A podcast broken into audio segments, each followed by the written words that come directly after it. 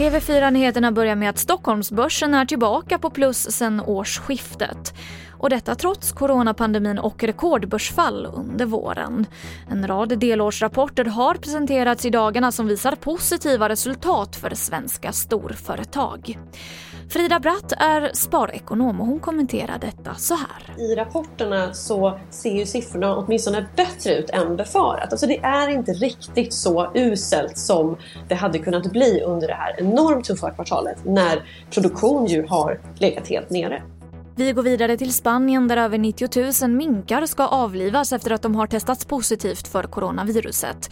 Där skriver tidningen The Guardian. Utbrottet upptäcktes på en minkfarm i nordöstra delarna av landet.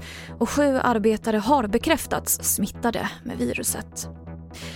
Och så kan jag berätta att det är stopp i tågtrafiken mellan Gårdsjö och Mariestad och det här påverkar tågen mellan Gårdsjö och Göteborg. Orsaken är ett signalfel och det finns ingen prognos för när felet kan vara åtgärdat. Och det var det senaste från TV4 Nyheterna. Jag heter Emily Olsson.